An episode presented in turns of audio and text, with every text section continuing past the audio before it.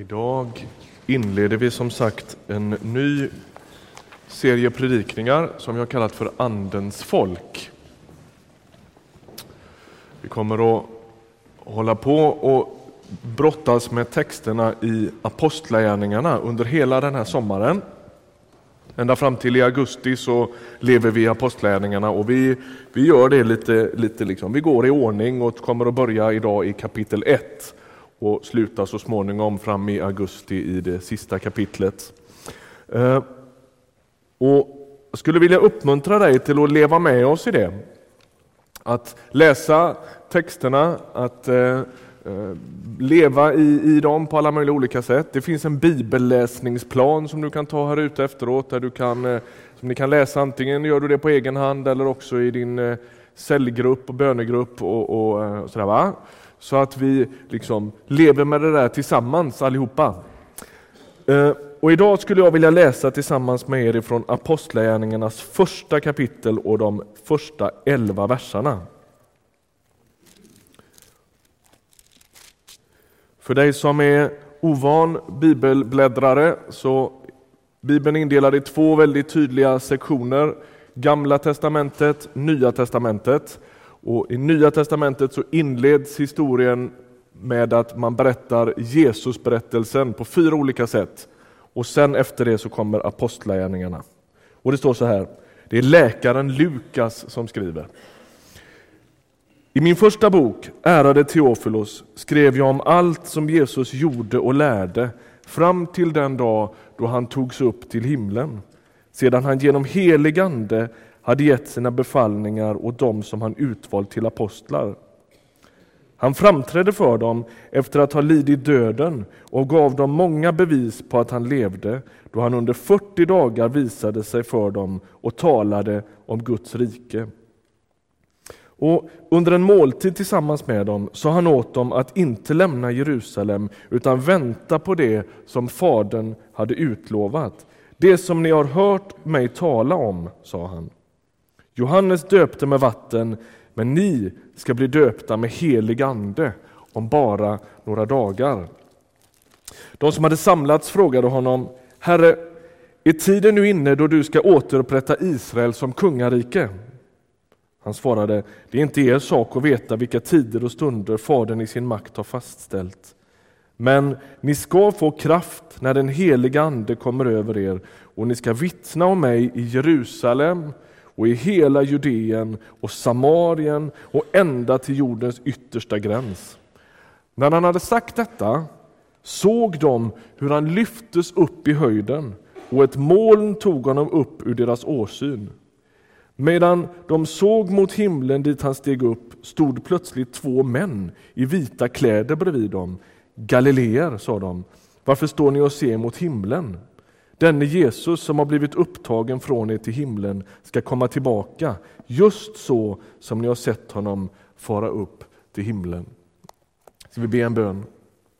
Herre, nu vill vi be att du skulle liksom hjälpa oss att koda upp den här urgamla texten så att den faktiskt har med våra liv att göra. Tala till oss, berör oss, mätta vår själ. Amen.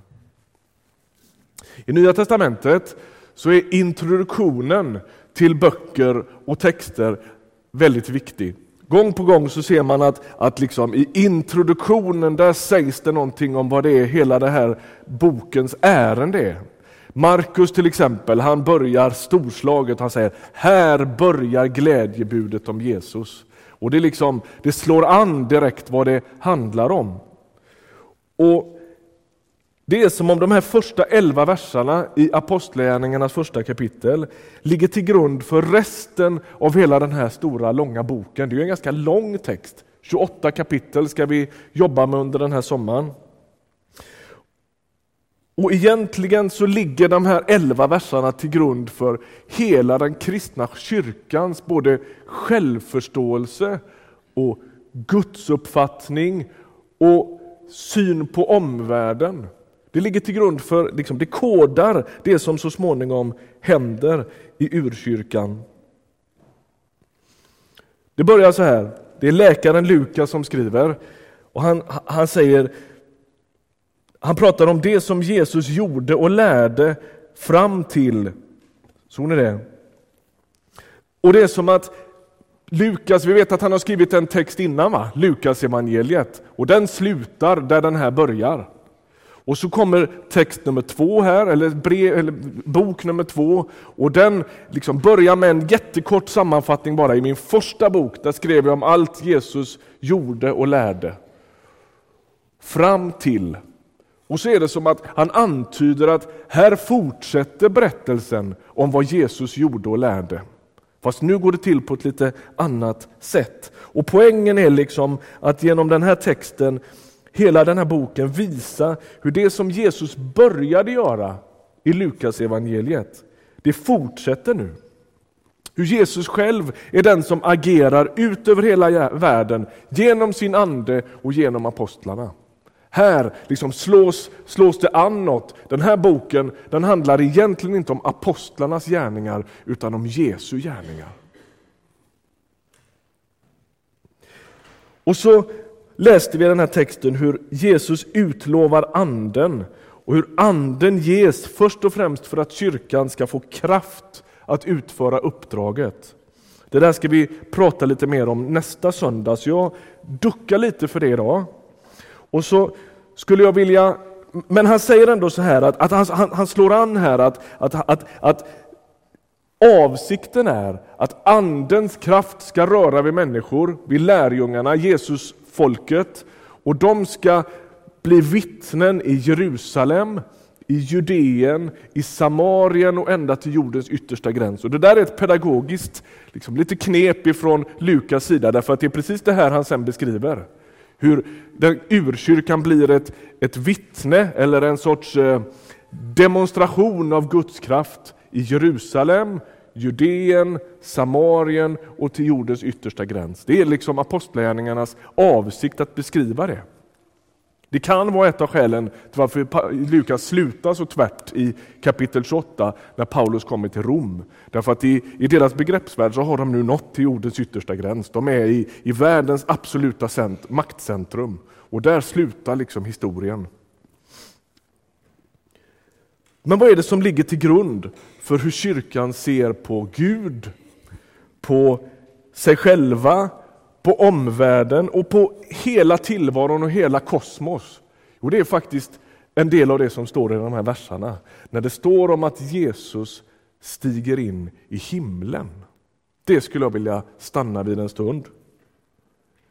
Låt oss backa bandet lite grann bara. Jesus fängslas, han döms till döden, han avrättas på korset utanför Jerusalems stadsmur, så läggs han i en grav och så på tredje dagen så uppstår han igen ifrån de döda. Och vem är det lärjungarna då möter? Vem är det de möter? Bibeltexterna gör väldigt tydligt att det inte är någon vålnad som de möter. De möter en person som faktiskt äter. Jesus gör en, en tydlig liksom, poäng av att han äter, att han har en kropp. Och när lärjungarna möter med Jesus så möter de med Jesus i sin uppståndelsekropp. Det här har vi pratat om tidigare för dig som har ett gott minne. När han uppstår så betonar evangelierna att det är en fysisk uppståndelse. Att han inte är ett spöke, att han inte är en vålnad, utan att han har uppstått hela han. Och gravkammaren är tom. Jesus uppstod och bevisar inte bara vem han själv är, utan ger en garanti för att de som tillhör honom ska uppstå på precis samma sätt. När Jesus har uppstått så är det något märkligt med hans kropp. Å ena sidan så verkar den ganska vanlig. Och samtidigt har den inslag av något annat. Det finns något mystiskt och något förvandlat med den samtidigt som den är vanlig. Han har en kropp när han har uppstått vars like ingen någonsin har sett. Ingen på jorden och ingen i himlen har någonsin sett något liknande. Å ena sidan är den mänsklig och vanlig. Han är synlig. Hans sår finns fortfarande kvar. Man kan eh, missta honom för någon annan. Eh, de, någon tror att det är trädgårdsmästarna, eh, Emmausvandrarna tror att det är vem som helst som kommer. Och så å andra sidan så är det som att Jesu kropp är alldeles, alldeles annorlunda. Han går genom låsta dörrar. Han verkar kunna förändra sig till oigenkännlighet. Och så inträffar det otroligt besynnerliga i den här texten. Han passerar den liksom osynliga hinna som skiljer det synliga från det osynliga. Och så träder han in i himlen. Det som i någon sorts judisk tankevärld separerar Guds osynliga värld från vår, osyn, från vår synliga värld. Han liksom kliver utanför det som är synligt och så träder han in i himlen. Det är som om det går en tunn hinna mellan himmel och jord. Som om Guds värld lever alldeles nära våran värld och ändå helt skild ifrån oss. Den är osynlig och vi ser bara små genombrott av den då och då. Men en dag, läste vi här, så kommer Jesus igen och då är det som om himlen kommer med full kraft och allting blir förvandlat, liksom Jesus förvandlades vid uppståndelsen. När Jesus, uppstånden från de döda, stiger in i himlen så är det inte som ett andeväsen. Han stiger inte in dit som en sorts eh, osynlig kraft, utan han stiger in dit med sin kropp. Ibland har vi i kyrkan, eller eh, man, liksom har levt med någon sorts vanföreställning om att först är Jesus andlig och osynlig och sen så kliver han in i, i, i, i världshistorien och får en kropp och så lever han sitt liv och så dör han och så uppstår han och sen blir han andlig igen.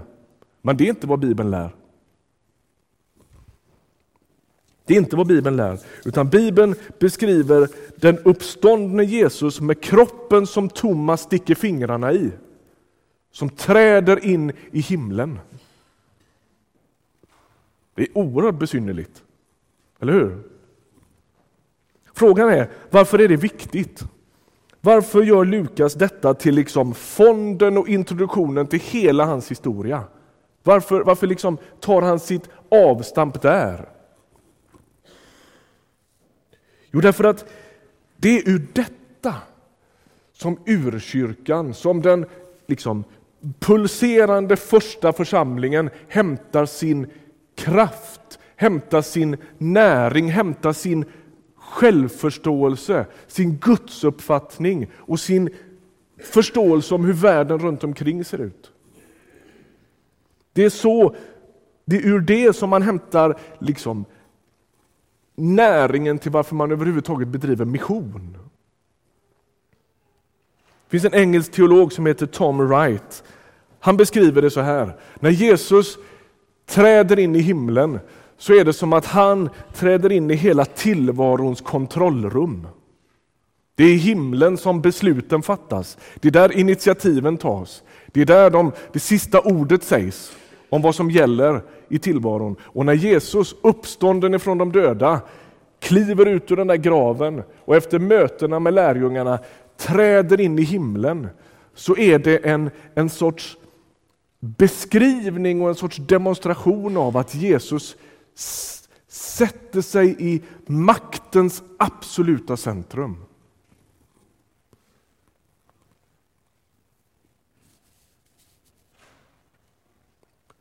Därifrån hålls allting samman.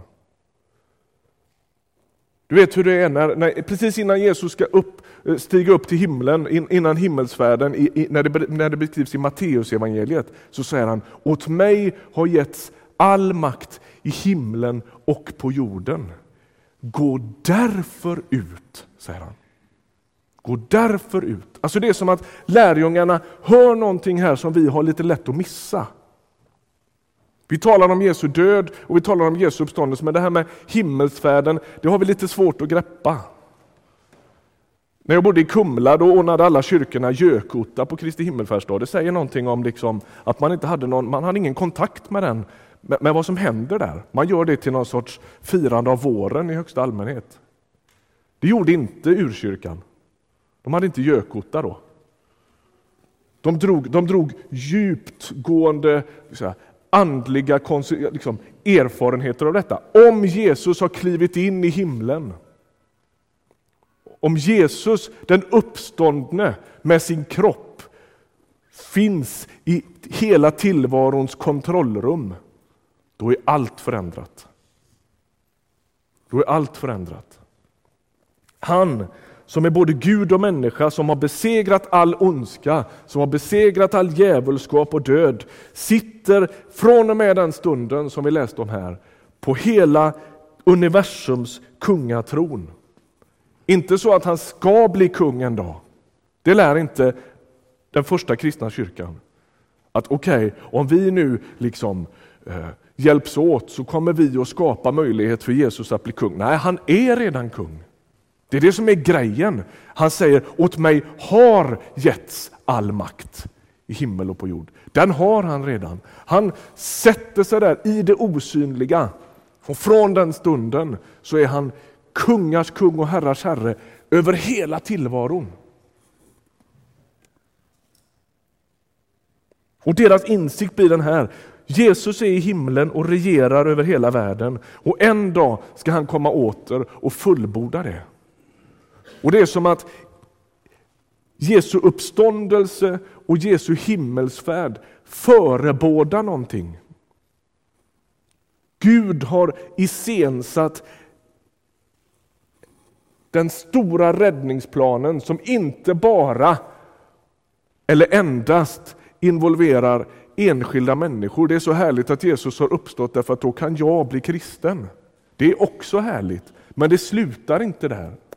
När Jesus i sin kropp kliver in i himlen så, så, så, så förebådar det någonting, nämligen att den, den, den kropp som har uppstått ifrån de döda har med den himmelska världen att göra och den himmelska världen kommer att ha med den fysiska världen att göra. Jag ska försöka förklara. Andra Korintierbrevets femte kapitel ska jag väl läsa några verser från.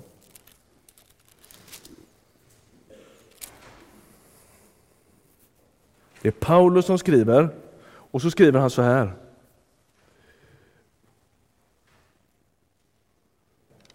Från, vers, från kapitel 5 och vers 17.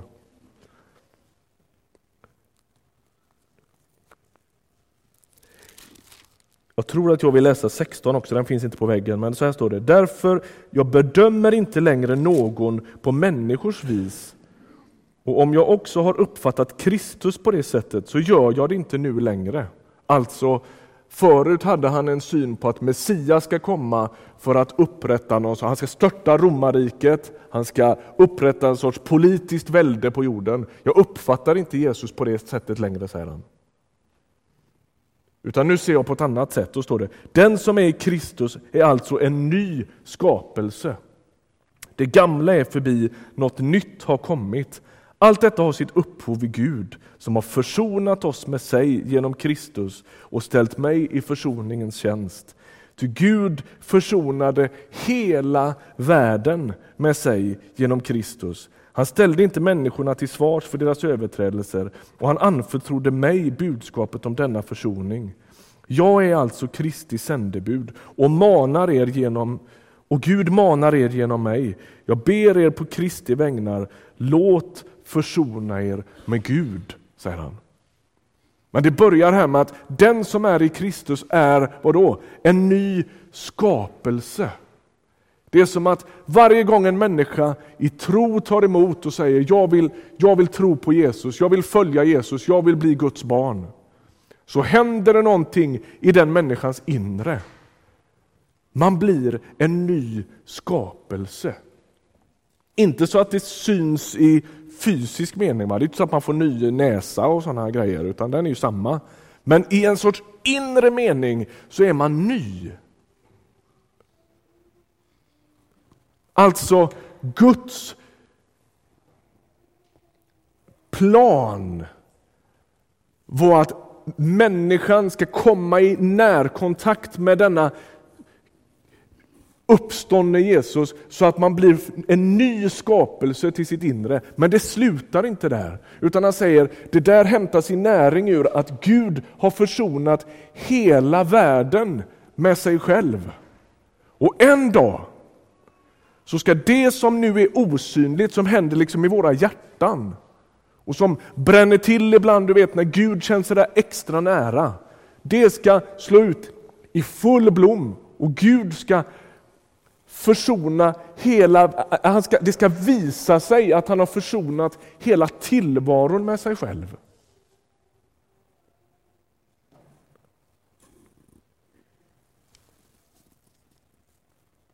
Och Det är som att Paulus och de andra i urkyrkan beskriver sig själva som en sorts agenter, ambassadörer, sändebud som förkunnar för hela tillvaron att Jesus har klivit in i himlen, satt sig på universums, hela kosmos kungatron. Han regerar. Det är deras budskap. Böj dig under honom. Låt dig försonas med honom. Han har redan försonats med dig.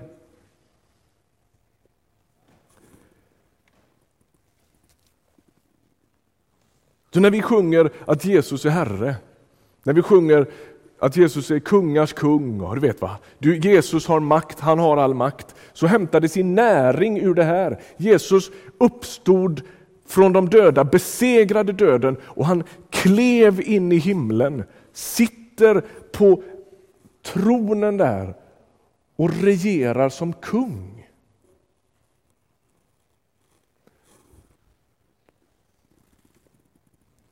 Och när han träder in där så är han närvarande överallt. För den som är i himlen kan samtidigt vara närvarande överallt på jorden. Och Jesu himmelsfärd visar att Guds rum och vårt rum inte är långt ifrån varandra. Det är inte, alltså när vi pratar himlen så tänker vi långt bort. Jag tror att det är ett misstag. Jag tror att det är ett misstag. Himlen är inte bortom månen och stjärnorna.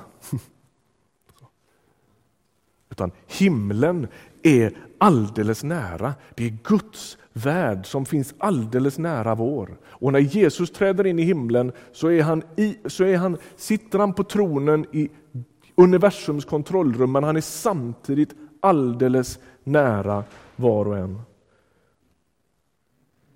Det är två separata rum med olika identiteter, men de berör varandra och möts på massvis av sätt redan nu.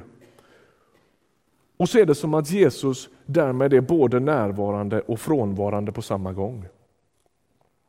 Han är nära därför att han kan röra sig fritt utanför tid på något sätt. Och samtidigt så är han frånvarande. Det är ganska viktigt att säga det. Därför att när du sitter och tänker, blir det inte bättre än så här? Är det detta som är det kristna livet? Så är mitt enkla svar till dig, om du inte minns något annat idag, så är mitt svar till dig, du kan ge dig på att det blir bättre än så här. Kommer du inte ihåg något annat idag så kom ihåg det. Blir det inte mer än så här, jo det kan du ge dig på att det blir. Det är, liksom det, det, det är det som finns med som en sorts djup, djup insikt och visshet hos, hos de första kristna. Jesus som uppsteg till himlen, han kommer tillbaka. Han som finns med sin nya kropp i himlen. Han blir en sorts garant, en sorts förebild. Bibeln kallar, Paulus han kallar det för en förstlingsfrukt. Och det han säger är att det som hände med Jesus på påskdagens morgon, när han får en ny kropp, det ska hända med hela tillvaron. Det ska hända med hela tillvaron. Gud ska inte överge världen. Det har ju varit på tapeten den här veckan. Det är väl sällan som pro profetier om ändens tid hamnar på första sidan på Aftonbladet. Men det har du gjort den här veckan, eller förra veckan. va? Eller hur? Vet du vad? Budskapet är inte att Gud ska förgöra världen. Budskapet är att Gud ska rädda och upprätta världen. Han ska upprätta världen. Den ska inte förgöras. Urkyrkan levde med en alldeles tydlig idé om att hela tillvaron berörs av att Jesus har uppstått från de döda, att Jesus har inträtt i himlen och en dag kommer alla att se det. En dag kommer alla att se det. Hoppet om en ny framtid, det himmelska hoppet, det har väldigt lite med moln att göra.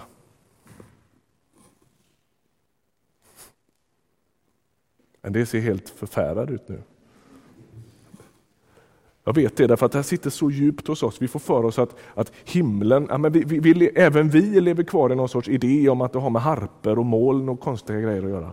Alltså, Nya testamentets budskap är att, att hela skapelsen, säger Paulus i, i Romarbrevet, ropar som i födslovåndor och ska befrias. Skapelsen ska befrias, den ska inte kasseras. Och när Jesus träder in i himlen så är det en sorts inteckning på att det är så. En dag så skiljs den där lilla tunna hinnan som nu finns mellan himmel och jord, den ska försvinna. Jesus kommer tillbaka och himmel, det som är himmel och det som är jord ska gifta sig med varandra.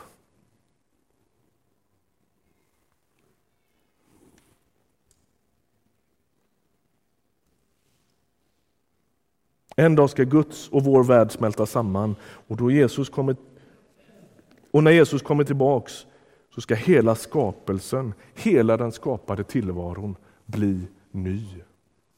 Sammanfattningsvis. Den första eh, kyrkan, första kristna, hämtar sin näring och sitt mod ur en rad olika händelser och sanningar. Vi ska prata om anden nästa vecka. Självklart är det alldeles avgörande för att den kyrka, kristna kyrkan ska kunna födas. Men ett av de avgörande momenten är när de ser Jesus stiga in i himlen. För det betyder att han har all makt, han finns där makten utövas. Den nya skapelsen är härmed ett faktum och han kommer igen för att demonstrera det fullt ut. Därför kan de säga, därför kan Jesus säga, åt mig har getts all makt i himlen och på jorden, gå därför ut.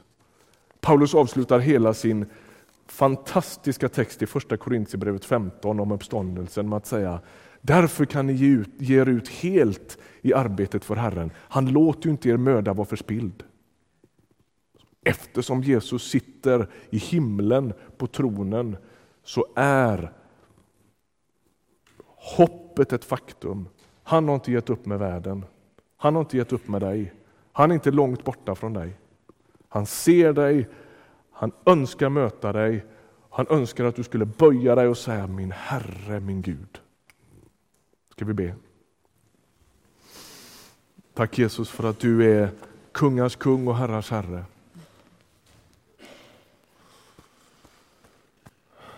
Tack för att vi får böja oss inför ditt majestät.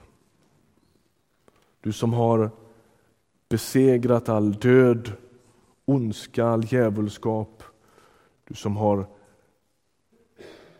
kommit med en sorts hoppets stråle som går genom världen.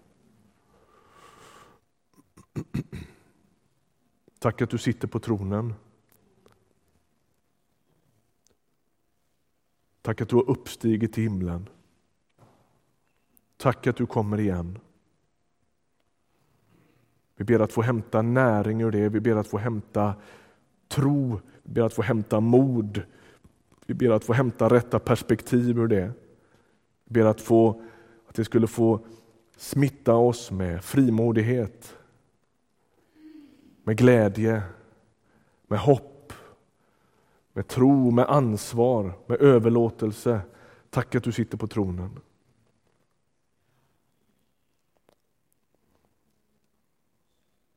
Vi ber om nåd att få dela det på ett begripligt sätt med människor som bor i den här stan.